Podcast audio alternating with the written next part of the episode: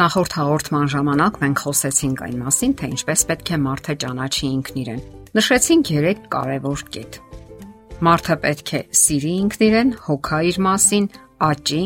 դաստիարակի իրեն, կարգավորելով սեփական վարքագիծն ու սահմանները։ Եվ այսպես, մարդը պետք է սիրի իրեն։ Մենք հաճախ ենք լսում, որ յուրաքանչյուր մարդ պետք է սիրի ինքն իրեն, սակայն ինչ է դա եւ ինչպես անել։ Սիրել ինքն իրեն նշանակում է ոչ թե ձգտել, կարգավորել, ուղղել ֆիզիոլոգիական թերությունները, այլ շնորհակալություն հայտնել Աստծուն այն բանի համար, որ նման մարմին ունեք, որ դա հենց ձերն է։ Դա չի նշանակում նաև անհարմար կամ դժվար իրավիճակներում հուզախառն ցնցումների ենթարկվել կամ խայթվել, այլ մեղմ ժպիտով դիմավորել այդ իրավիճակները։ Յուրաքանչյուր մարդ պետք է իրեն ընդունի այնպիսին, ինչպիսին կա։ Ընդ որում ճշգրիտ իմանալով, թե ինչից է հյուսված նրա ներքին կաղապարը, ինչով է լցված եւ ուր է ցանկանում գնալ, ինչի է ցանկանում հասնել կյանքում։ Հաջորդ պահը հոգացեք ձեր մասին։ Երբ դուք գիտեք ձեզ եւ ձեր պահանջմունքները, ձեր հնարավորություններն ու նպատակները, դրանով արդեն սկսում եք հոգալ ձեր մասին։ Ամեն անգամ ձեր ճակատը նույն ժայռին մի խփեք եւ խնայեք ձեր pašարներն այնտեղ, որտեղ դա հնարավոր է։ Իսկ եթե դուք ձեզ լավ եք ճանաչում, ուրեմն դա մի անգամայն հնարավոր գործընթաց է։ Հաջորդը՝ աճեք ու զարգացեք։ Մենք գիտենք, որ մեր երեխային պետք չէ համեմատել հարևանի երեխայի հետ եւ ոչ էլ մեզ այս կամ այն հարուստի կամ նշանավոր աստղի հետ։ Սակայն միևնույնն է, ժամանակ առ ժամանակ նման բան անում ենք։ Կա մի կարևոր կանոն։ Մենք պետք է մեզ համեմատենք միայն երեկվա մեր սեփական անձի հետ։ Ուրիշ ոչ մի տարբերակ չկա։ Նշեք նաև ձեր սեփական զարգացման վրիպումները կամ խոչընդոտներն ու խանգարող հանգամանքները։ Օրինակ կարող եք օրագիր պահել եւ գրառումներ անել այնտեղ, որոնք կծառայեն որպես նրա աճի ցուցիչ եւ որակի չափման միավոր։ Այդպիսի գնահատումը հնարավորություն է տալիս գրագետ ու փաստարկված ձևով կողմնորոշվել սոցիալական ու անձնական տարածություններում, ինչպես նաեւ ժամանակին կարգավորել բոլոր գործընթացները, որոնք միայն ձեր օգտին կծառայեն։ Հաջորդը՝ կարգավորեք ձեր սեփական վարքագիծը։ Հոգեբանական այս պատկերացումը առաջին անգամ գիտական ոլորտ է մտցրել ամերիկացի հոգեբույժ Մանուել Սմիթը։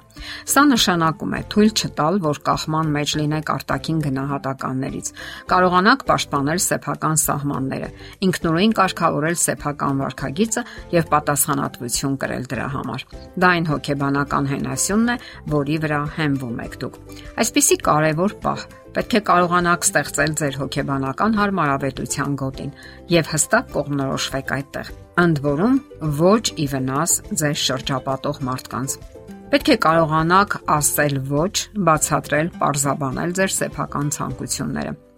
Թույլ տալ հաջողախոսություններ, նույն ձևով ընդունել դրանք առանց կծկվելու, առանց շփոթահար շնորհակալությունների։ Նաև կարևոր է վարել բարդ զրույցներ եւ պաշտպանել սեփական անձն ու դիրքորոշումը առանց դիմելու բռնության։ Այսպես դուք ընդհանուր առմամբ պաշտպանում եւ սատարում եք ձեր դիրքն ու սահմանները, կառուցում եք ձեր կյանքի համապարփակ մարտավարությունը։ Իսկ դա շատ կարևոր է այն առումով, որ արդյունավետ ձևով խնայում եք ձեր կենսական ապաշարները։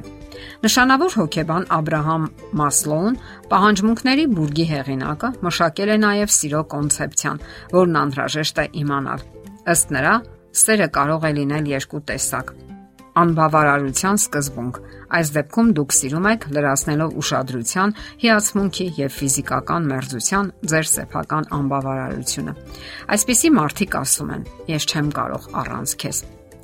Հաջորդը՝ կենցաղային։ Դուք սիրում եք մարդուն պարզապես այն բանի համար, որ նա գոյություն ունի։ Այդպիսի սերը հնարավոր է միայն այն ժամանակ, երբ բոլոր պահանջմունքները փակ են՝ ֆիզիոլոգիական, հոգեբանական, գեղագիտական։ Նման մարդիկ ասում են.